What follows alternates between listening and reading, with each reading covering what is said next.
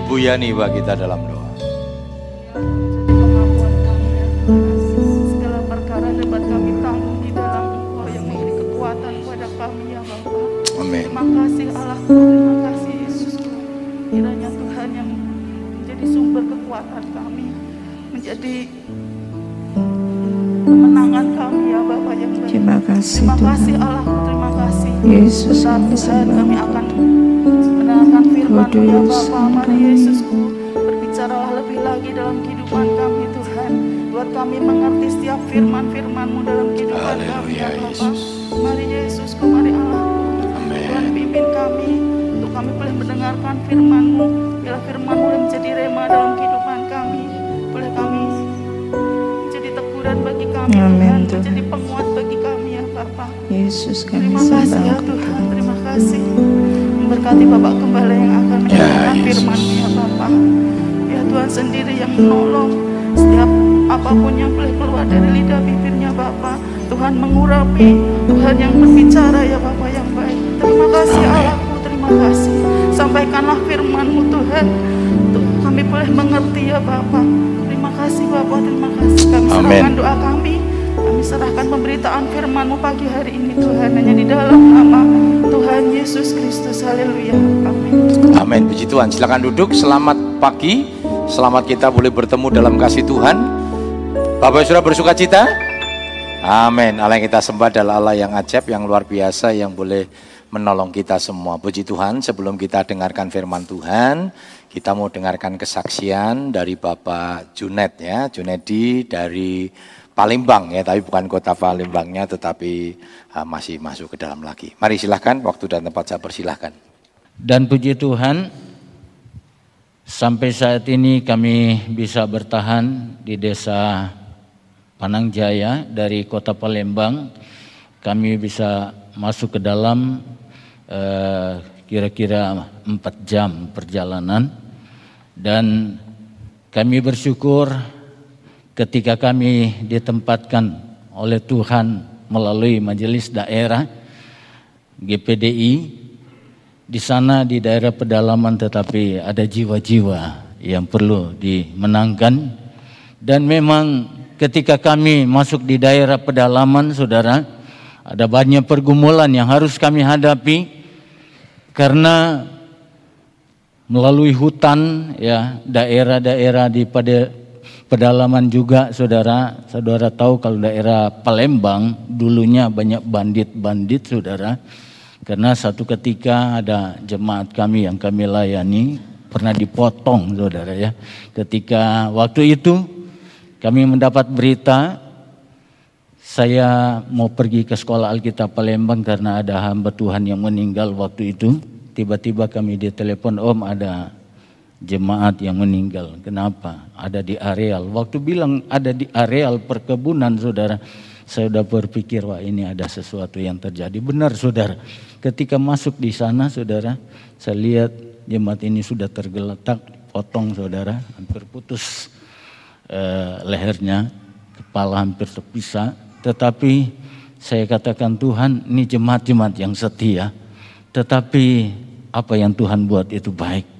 Kami berulang-ulang kali suami istri saudara mengadakan perjalanan ke cabang-cabang. Kami buka-buka pelayanan saudara, buka kasih hamba Tuhan, buka kasih hamba Tuhan. Begitu saudara karena jangkauan yang begitu eh, jauh. Dan akhirnya saudara kami boleh melihat pembelaan Tuhan yang luar biasa.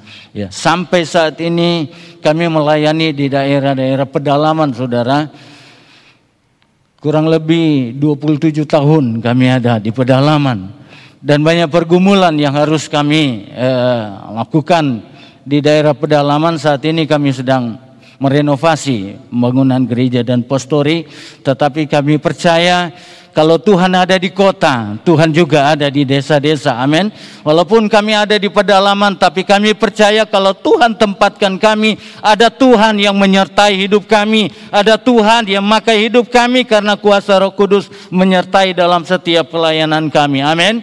Bantu kami di dalam doa agar supaya kami bisa tetap bertahan menjangkau jiwa-jiwa yang ada di sana. Kenapa saudara? Karena kami yang dipanggil oleh Tuhan untuk daerah pedalaman.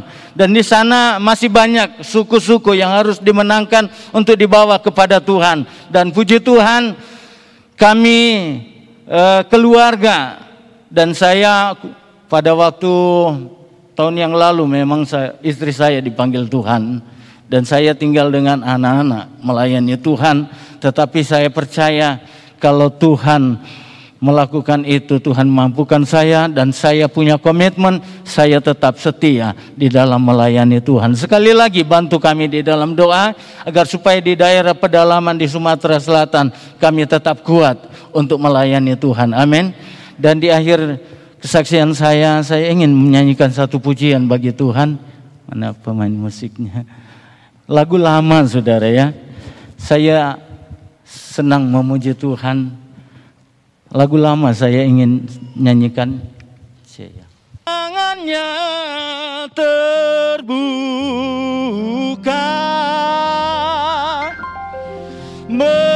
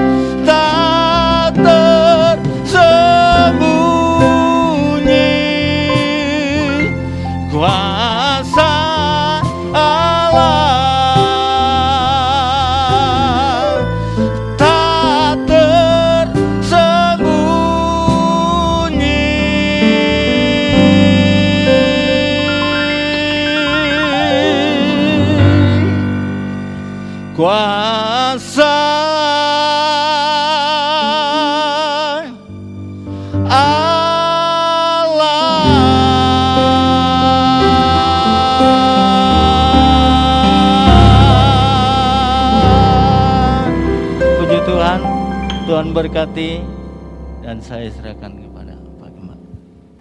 Iya, puji Tuhan ya. Kita terus dukung doa untuk pekerjaan-pekerjaan Tuhan di daerah-daerah di pendalaman masih banyak suku-suku terasing yang harus dimenangkan oleh Tuhan ya. Mungkin kita di kota nggak terlalu terasa sudah.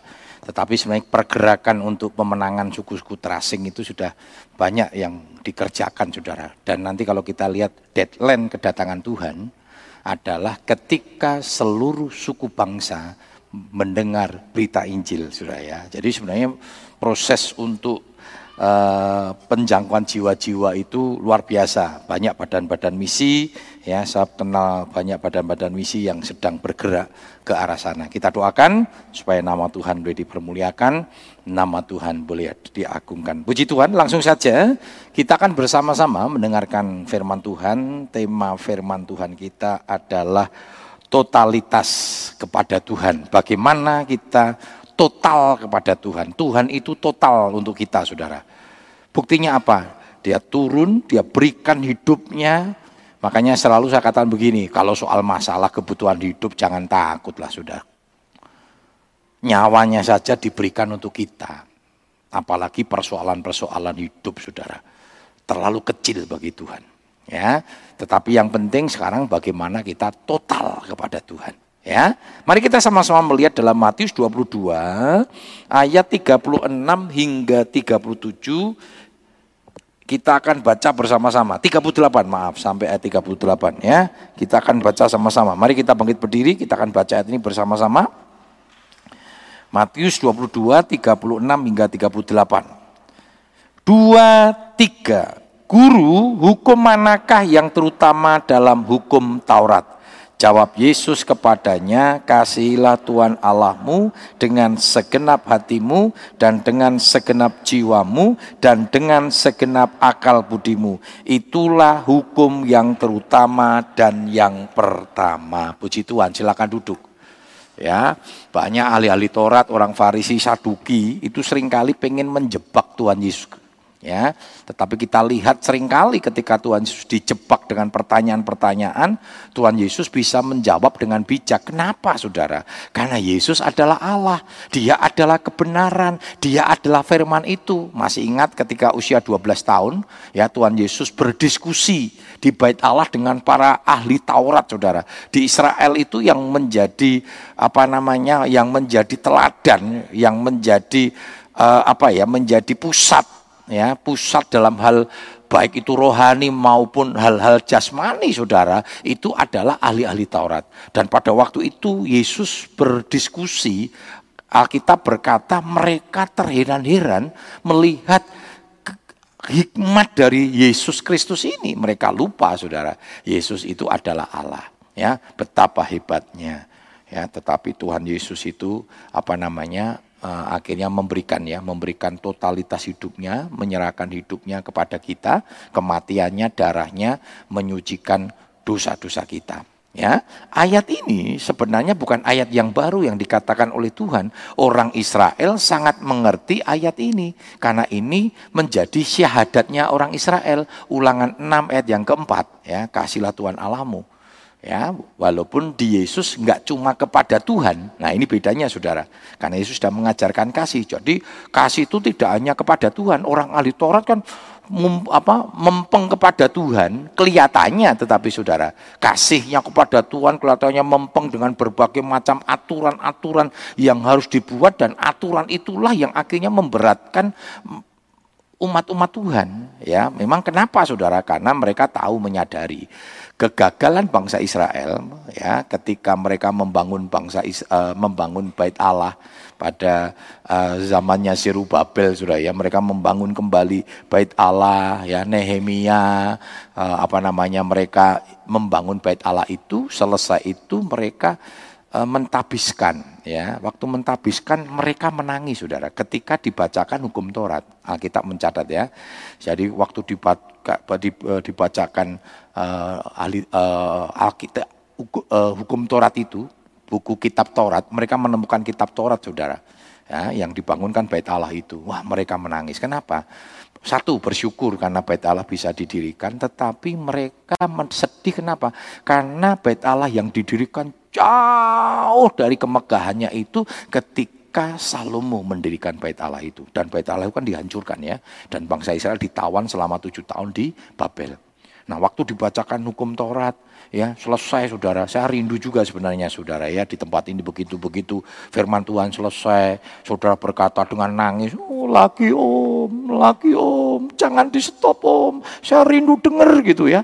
Tapi saya lihat di sini kan begitu. Mari kita bangkit berdiri. Haleluya. Puji Tuhan ya. Nek suwe gitu pura-pura dulu dulu icam saudara. Ken Om Agus ngerti. Ah, puji Tuhan, saya tidak pernah tahu sudah lihat jam. Ya, sama subudu sudah ya. Tapi bersyukur pandemi sudah ya. Wah, pandemi alasannya Om, pandemi prokes Om. Satu jam paling banter satu setengah. Khotbah Joshua suwe Wah, saudara ya.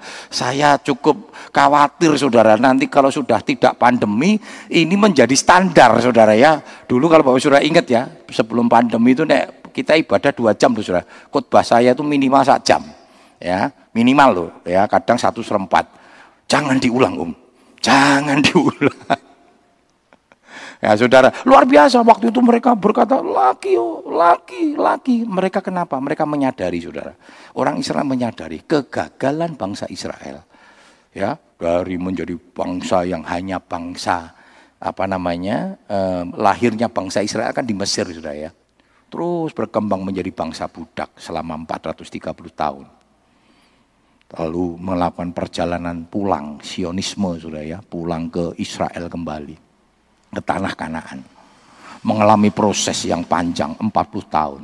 Akhirnya menetaplah mereka di sana, dipimpin oleh hakim-hakim.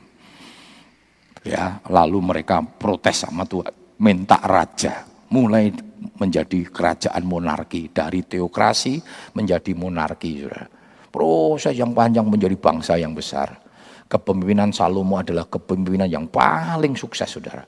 Membangun kerajaan yang kuat, membangun bait Allah. Akhirnya runtuh dua-duanya. Terpecah kan kerajaan eh, Israel ya, kerajaan utara dan selatan sudah. Dan Israel, kerajaan Israel dan Yehuda. Kerajaan Israel akhirnya hilang sudah. Ya, dia dijajah sama bangsa Asyur, hilang sampai hari ini. Jadi sampai hari ini, jadi sejak zaman Yesus itu bangsa Israel, sepuluh suku itu udah nggak ada sudah di muka bumi. Walaupun masih ada, tetapi sudah hilang. Ya, Alkitab katakan di akhir zaman nanti ketika Yesus datang itu akan dikumpulkan sudah. Kita nggak tahu. Siapa tahu di antara saudara ada yang termasuk bangsa apa namanya suku Ruben, ya, suku Dan, suku Isakar, ya. Kita nggak ngerti sudah. Masih ingat ternyata di India saudara ada suku Israel sudah. Jadi ada bangsa Israel di sana, wajahnya wajah India karena sudah kawin campur kawin campur. Mereka Sionisme. Makanya kalau sudah ingat sudah ya, ini di perbatasan ya Gaza itu, bangsa Israel sudah membangun membangun apa namanya eh, pemukiman-pemukiman yang ini ditentang ya. Kenapa? Karena Israel tahu akan terjadi Sionisme. Gerakan Sionisme itu akan terjadi di dunia ya. Orang-orang Israel akan kembali pulang ke Israel. Karena mereka mereka percaya kepada kebenaran firman Tuhan ya mereka kan kembali sudah. Dan kalau sudah nonton ini kan sudah perang lagi sudah ya, perang lagi. Ya di jalur Gaza bahkan di apa Masjid Al Aqsa aja terjadi peperangan. Ya kita doakan saja sudah, ya kita doakan saja. Tetapi deadline-nya adalah ketika Injil diberitakan ke seluruh suku bangsa, ya Alkitab katakan itu kepada bangsa, seluruh bangsa, tetapi bahasa aslinya etna, etnis, suku. Ya, jadi luar biasa saudara. Nah saudara karena itu mari kita total sama Tuhan. Tuhan sudah total untuk kita. Dia berikan nyawanya, dia mati, walaupun dalam doa di Taman Getsemani dia bersempat berkata, jikalau boleh jalan Via Dolorosa ini nggak usah saya nikmati ya, tetapi dia berkata bukan kehendakku melainkan kehendakmu yang jadi. Nah saudara, yang pertama kita harus total kepada Tuhan dalam melakukan firman Tuhan. Jadi kita menjadi orang Kristen. Saya masih ingat saudara, ya saya berapa kali sampaikan ya ketika saya berminta restu sama papa saya karena mama saya sudah meninggal pada waktu itu untuk menjadi hamba Tuhan ya. Walaupun jawabannya ini kan jawaban yang sempat sempat salah itu. Saya sempat tegur itu ya. Waktu itu si siapa ya? Si Jun ya.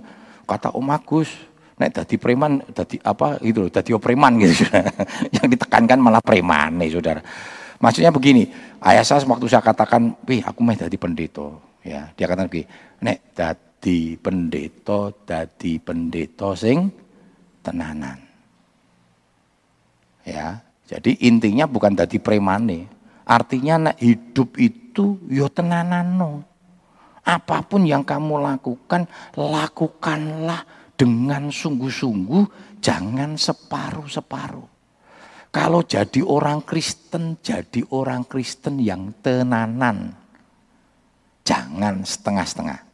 Ya, kepada jemaat pergamus Tuhan ingatkan jangan suam-suam kuku. Nek panas yo panas, nek adem yo adem. Jadi ojo manget-manget sudah itu artinya sudah ya. Neng memang sing anget tuh paling enak sudah. Saya nek teh teh panas sih ora penak. Ngombe teh panas karo nyebal-nyebul kan ora penak. Sing penak anget Saudara. Nah, itu ternyata Alkitab katakan su, tidak boleh suam-suam kuku. Bukan masalah minumnya Saudara. Nek ngono engkau tak ngombe jarang. Saya punya temen itu Saudara, nek minum enggak panas banget enggak bisa. Dia selalu kalau pesen, "Pak, teh panas." Sing metu toko jarang saya bilang berarti panas. Padahal saya bilang gini, ngono ngombe bu, mbok sebal sebel jaluk sing panas, mbok sing anget, ya toh. Jaluk panas ning ngombene disebul, saya akan salut sing panas gitu, langsung blegek blegek blegek gitu. ngombe ngono golek sing sing panas, mbok sing anget-anget wae saya bilang. Nah saudara, artinya apa? Enggak separuh-separuh saudara. Total. Nah kita lihat sama-sama di dalam kejadian 6 ayat 22. Ini tokoh Nuh saudara. Luar biasa.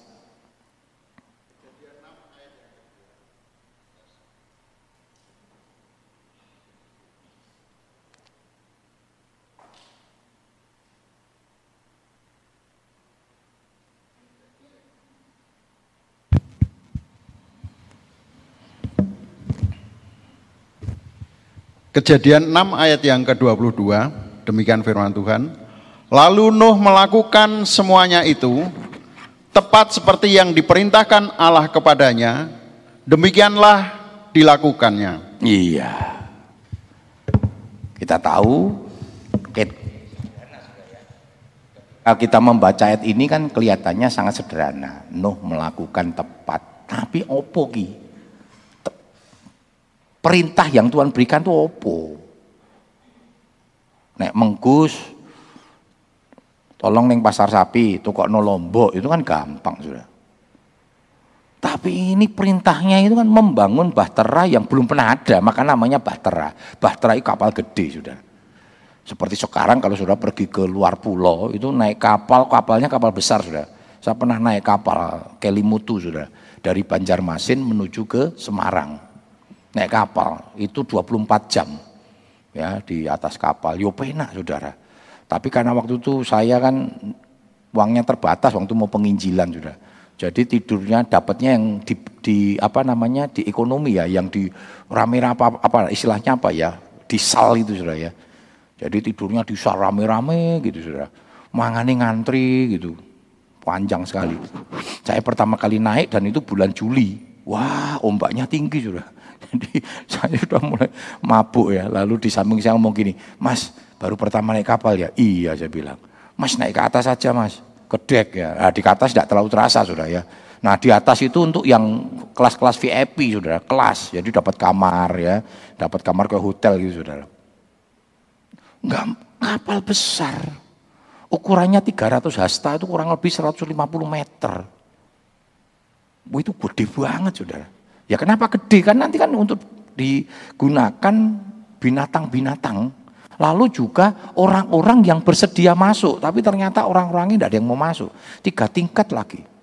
Wah ini kan nggak gampang. Dan saya yakin percaya Alkitab katakan banyak tekanan yang dialami oleh Nuh. Ya, mungkin ditanya, Nuh, ngapain kamu membuat kapal lo gede dan bukan di pesisir loh saudara. Kecuali di pantai gitu saudara. Tidak di pesisir, buat kapal. Saya yakin dan percaya banyak orang, wah getan gitu. Orang edan ini, orang gila ini. Loh, mengikut Tuhan kadang begitu sudah ya. Mengikut Tuhan kadang begitu. Ketika kita beriman kepada Tuhan, aduh. Wah ngaco ini.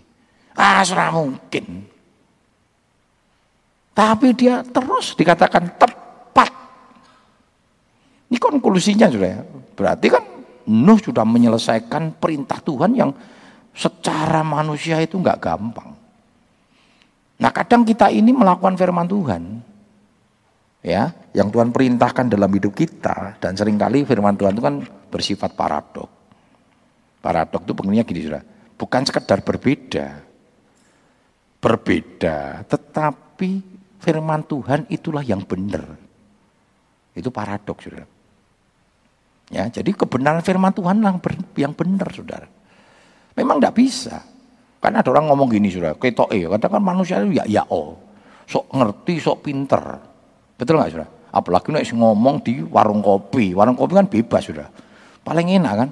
Nguneng kopi iki meh ngerokok ya boleh. Ngombe karo sikile dunggahke nggone kursi ya ora sing larang, misuh-misuh ya ora ana sing nesu, saudara. Ya sering kan ngobrol gitu. Wah, kadang nek ngobrol di warung-warung model begini kan kaya seperti orang yang ngerti hidup ini.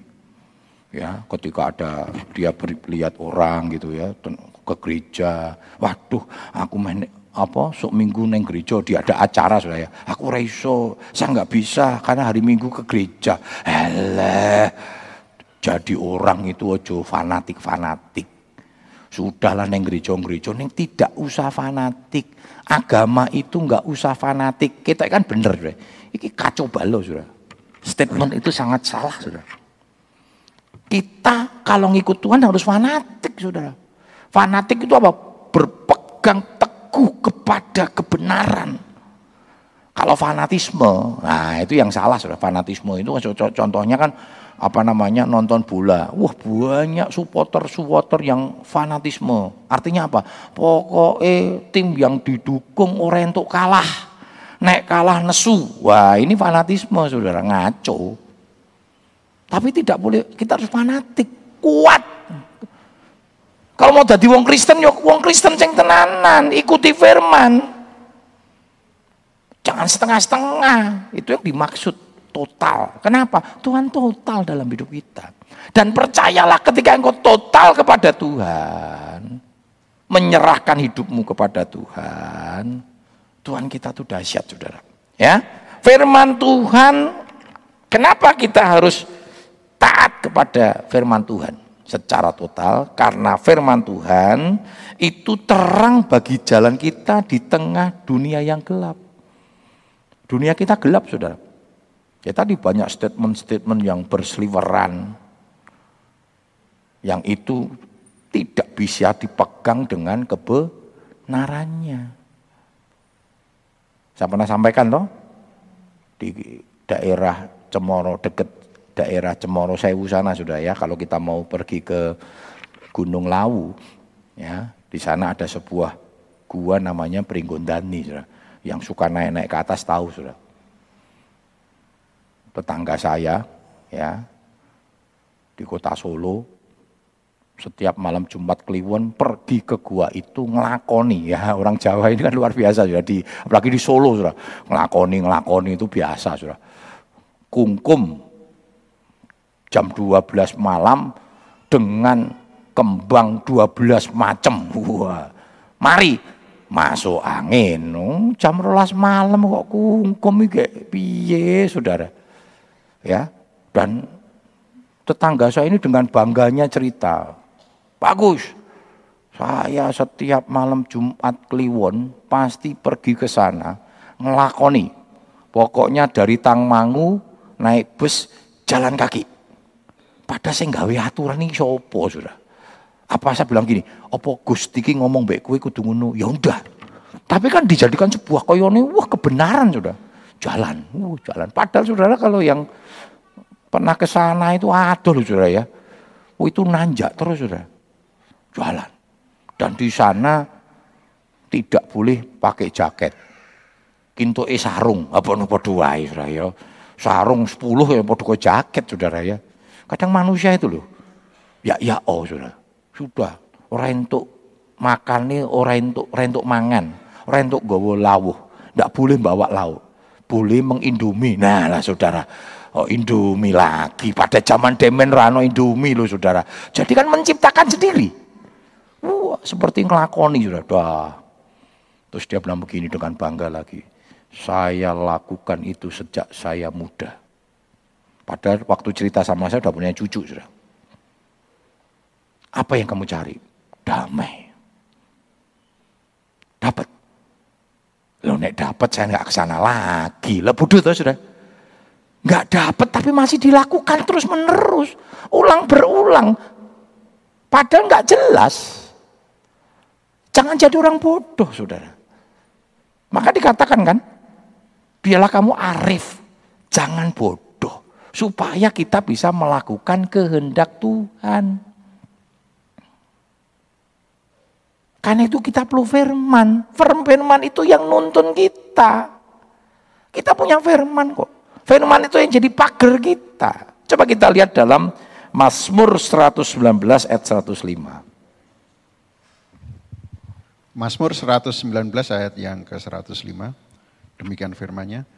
Firmanmu itu pelita bagi kakiku dan terang bagi jalanku. Iya. Jadi di Israel sana saudara, zaman dulu kan belum ada apa center ya. Mereka biasanya kalau pergi pakai obor, pakai pelita. Ya, orang Israel memang pinter-pinter sudah. Orang Israel itu pinter sudah. Dari dulu pinter. Penemu-penemu itu orang Israel. Jadi kalau mereka kan bawa obor gitu ya. Nah kalau obor ini kan tidak bisa menerangi langsung ke bawah. ya. Jadi harus keturunkan. Kalau kan Bapak mesti gini sudah ya. Nah, orang Israel pintar sudah. Di sepatunya itu dibuatkan tempat untuk pelita. Ya, dibuatkan tempat untuk pelita, bukan lilin. Zaman demi rungono lilin sudah ya. Jadi pelita. Jadi ditaruh tempat untuk pelita. Jadi ketika mereka jalan, kelihatan saudara. Maka dikatakan di sini uh, firmanmu itu pelita bagi kakiku dan terang bagi jalanku. Kita perlu firman untuk menerangi kehidupan dunia yang penuh dengan kegelapan yang tadi banyak kebenaran-kebenaran yang berseliweran simpang siur. Saudara nggak perlu kebingungan. Patokannya apa? Firman Tuhan. Karena firman Tuhan itu adalah kebenaran. Kuduskanlah mereka dalam firmanmu, sebab firmanmu adalah kebenaran. Dan Yesus itulah kebenaran. Akulah jalan, kebenaran, dan hidup. Yang kedua, dalam kita mengiring Yesus, mengikut Yesus, kita harus total. Tadi total dalam melakukan firman. Yang kedua, kita harus total di dalam mengikut Yesus. Coba kita lihat sama-sama dalam Matius 16 ayat 24. Matius 16 ayat yang ke-24, demikian firman Tuhan. Lalu Yesus berkata kepada murid-muridnya, setiap orang yang mau mengikut aku, ia harus menyangkal dirinya, memikul salibnya, dan mengikut aku. Perhatikan sudah, kalau orang mau mengikut aku, mengikut Kristen itu artinya pengikut Kristus. Disebutan Kristen pertama kali di Antioquia kota Antioquia ya, artinya pengikut Kristus. Nah, kalau mau jadi orang Kristen, jadi pengikut Kristus, yang pertama apa? Mau mengikut aku, ia harus menyangkal diri. Dia harus memikul salib dan dia harus mengikut aku. Jadi kalau sudah mau jadi orang Kristen ya lakukan ini sudah. Menyangkal diri itu berkata tidak untuk keinginan daging karena kita sedang memuliakan dan menyenangkan hati Tuhan. Berapa banyak surah? Untuk menyenangkan Tuhan dagingnya harus dimatikan. Seperti Yesus kan? Untuk dia menyenangkan Tuhan dia harus selesaikan tugasnya sampai akhir. Kan Yesus berkata, makananku ialah melakukan kehendak Bapakku yang mengutus aku. Dia diutus sampai jalan Via Dolorosa, sampai salib.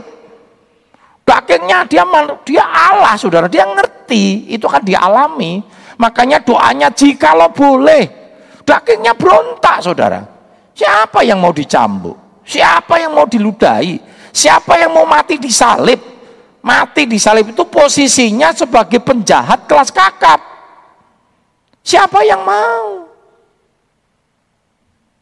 Dagingnya berontak saudara. Tapi kita bersyukur. Ini menjadi teladan kita. Yesus berikan teladan walaupun dagingnya itu sakit.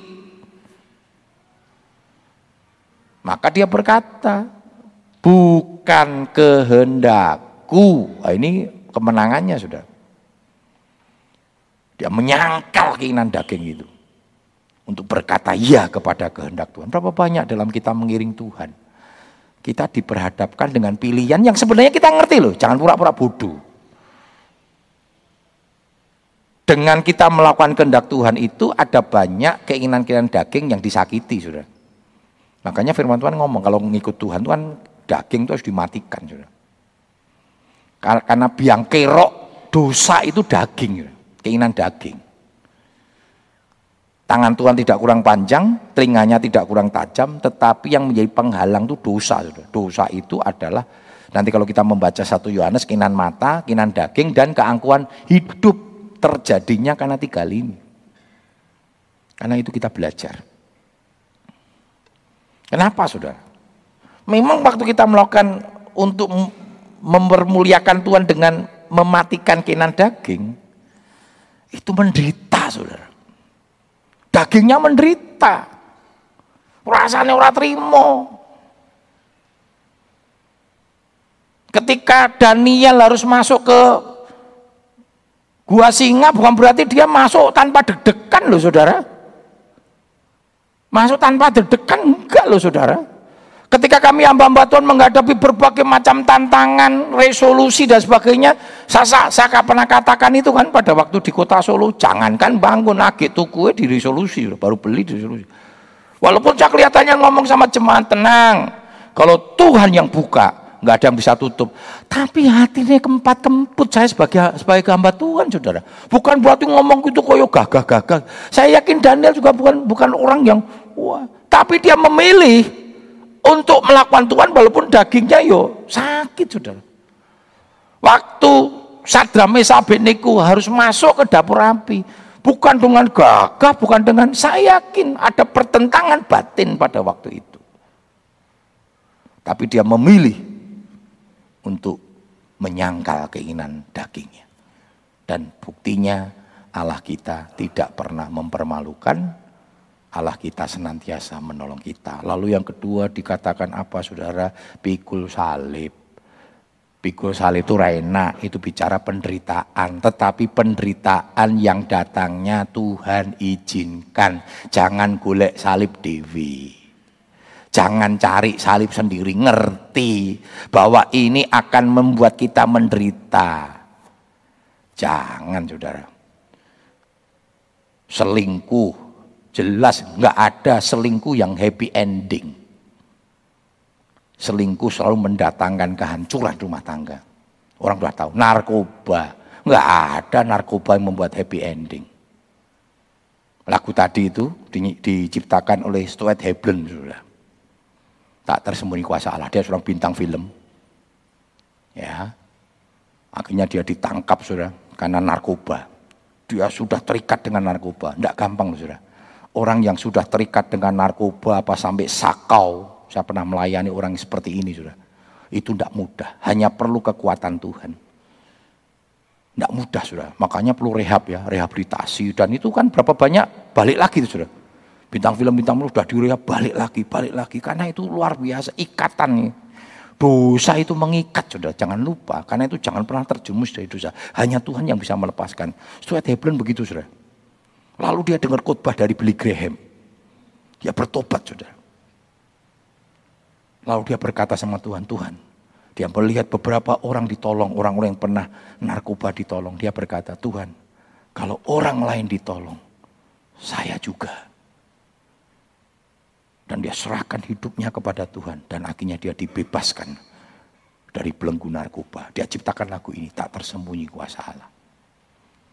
Saudara, Jangan cari salib. Pernah saya saksikan tuh, ada seorang suami yang selingkuh, saudara. Malam-malam datang ke rumah kami waktu di Solo. Bersama istrinya, istrinya sudah stres, saudara. Ini adik rohani saya, istrinya. Dan nangis, nangis karena tahu suaminya selingkuh. Padahal suaminya ini maaf bicara, saudara. Bukan dari ekonomi yang baik. Istrinya itu cakep, sudah cantik dan ekonominya bagus. Dia diangkat, saudara.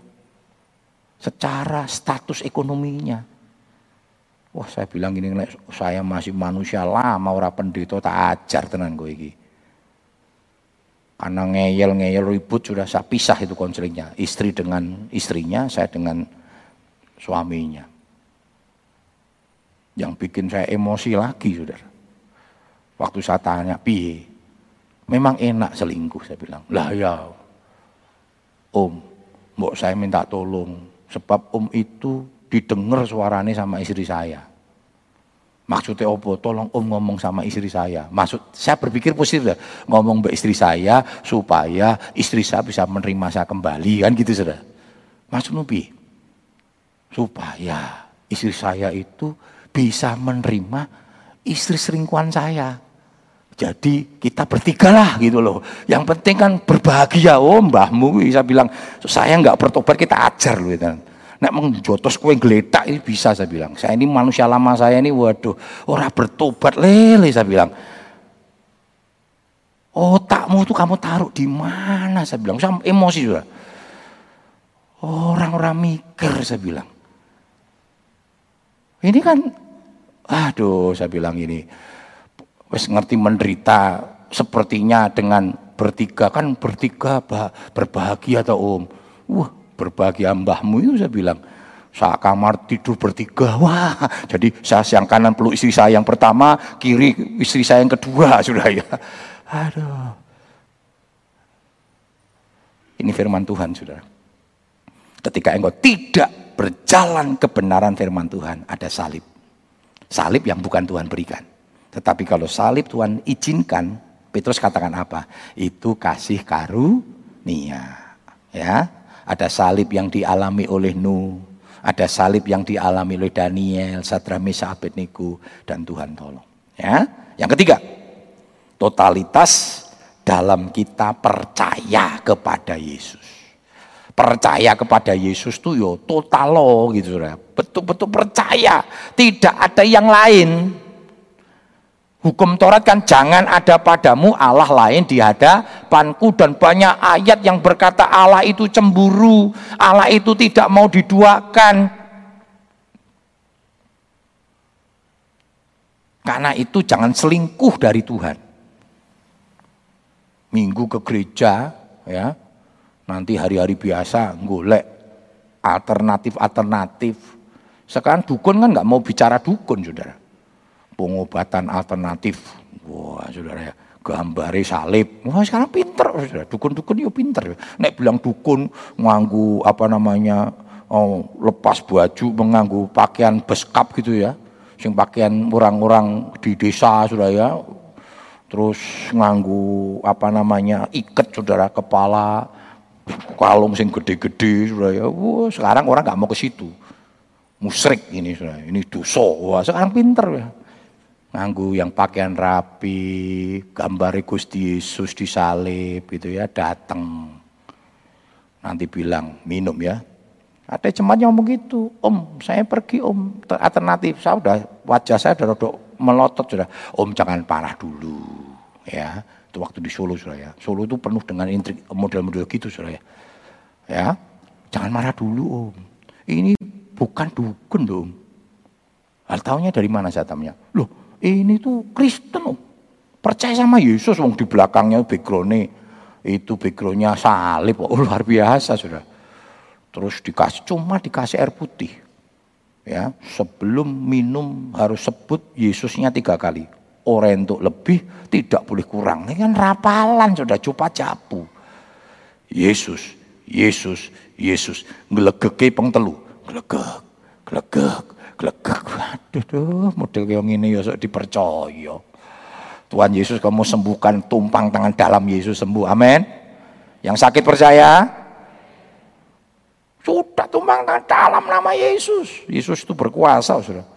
Coba Mazmur 37 ayat 5 dan 6. Mazmur 37 ayat yang kelima dan 6. Serahkanlah hidupmu kepada Tuhan dan percayalah kepadanya, dan ia akan bertindak. Ia akan memunculkan kebenaranmu seperti terang dan hakmu seperti siang. Perhatikan sudah, serahkan hidupmu kepada Tuhan dan percayalah kepadanya dan dia akan bertindak. Dia akan memunculkan kebenaranmu. Kebenaranmu itu artinya kebenaran kita karena kita percaya kepada kebenaran Tuhan. Dikatakan kan kitab Amsal, jalan hidup orang benar itu seperti pagi hari hingga rembang tengah hari. Kebenaran nggak pernah bisa ditutup, saudara. Walaupun saat ini kita hidup dalam kebenaran, kita dipersalahkan, jangan takut, jangan membenarkan diri. Sebab membenarkan diri, saudara, itu bukan kebenaran. Tapi biarkan kebenaran itu yang menyatakan dirinya. Ya, saudara, Yesus menawarkan solusi bagi yang percaya kepadanya. Coba, Matius 11 ayat 28 hingga 30. Matius 11 ayat yang ke-28 hingga 30. Marilah kepadaku semua yang letih lesu dan berbeban berat. Aku akan memberikan kelegaan kepadamu Pikulahku yang kupasang dan belajarlah padaku, karena aku lemah lembut dan rendah hati, dan jiwamu akan mendapatkan ketenangan. Sebab kuk yang kupasang itu enak dan bebanku pun ringan. Iya. Alkitab berkata, ya, marilah kepadaku yang letih lesu dan berbeban berat. Aku akan memberikan kelegaan. Orang percaya itu bukan berarti tidak punya masalah, punya. Tapi Tuhan juga punya so, solusi. Jadi jangan takut saudara. Dan solusinya Tuhan itu kan kadang bersifat suprarasional saudara. Bukan irasional. Suprarasional artinya apa? Melampaui batas rasio kita. Masih ingat? Elia ketika masa paceklik di sungai Kerit dipelihara sama burung gagak dikirimi roti sama daging. Mana ada burung gagak yang bermurah hati loh saudara. Ketemu daging bukannya dimakan kok didum, dibagikan kepada Elia. Bahkan sudah sering lihat ya di televisi tentang perbinatangan sudah ya. Ketika gagak dapat daging ada gagak lain ngerebut. Yang ada seperti itu sudah. Tapi ini enggak ada daging, inget sama Elia. Mesake ke Elia orang mangan nih. Tak kirim buat Elia. Itu kan Tuhan yang kerja. Sudah. Cara kerja Tuhan itu luar biasa. Sudah. Kau selalu punya cara untuk menolongku. Amin. Dia punya cara, sudah. Dan caranya tidak bisa dibatasi dengan hikmat hikmatnya manusia, tetapi hikmat Tuhan itu luar biasa. Betapa hebat kuasanya bagi setiap orang yang percaya, bagi kita yang percaya. Jadi kalau sudah nggak percaya ya nggak bisa sudah. Kuncinya percaya kepada Tuhan. Puji Tuhan saya tidak panjang lebarkan, tetapi biarlah pagi yang tidak ini kita mau total untuk Tuhan. Karena Tuhan sudah total untuk hidup kita. Karena itu biarlah kita total kepada Tuhan dalam mengiring Tuhan, di dalam percaya kepada Tuhan, di dalam kita melakukan firman Tuhan. Bapak Yohanes bagi kita dalam doa.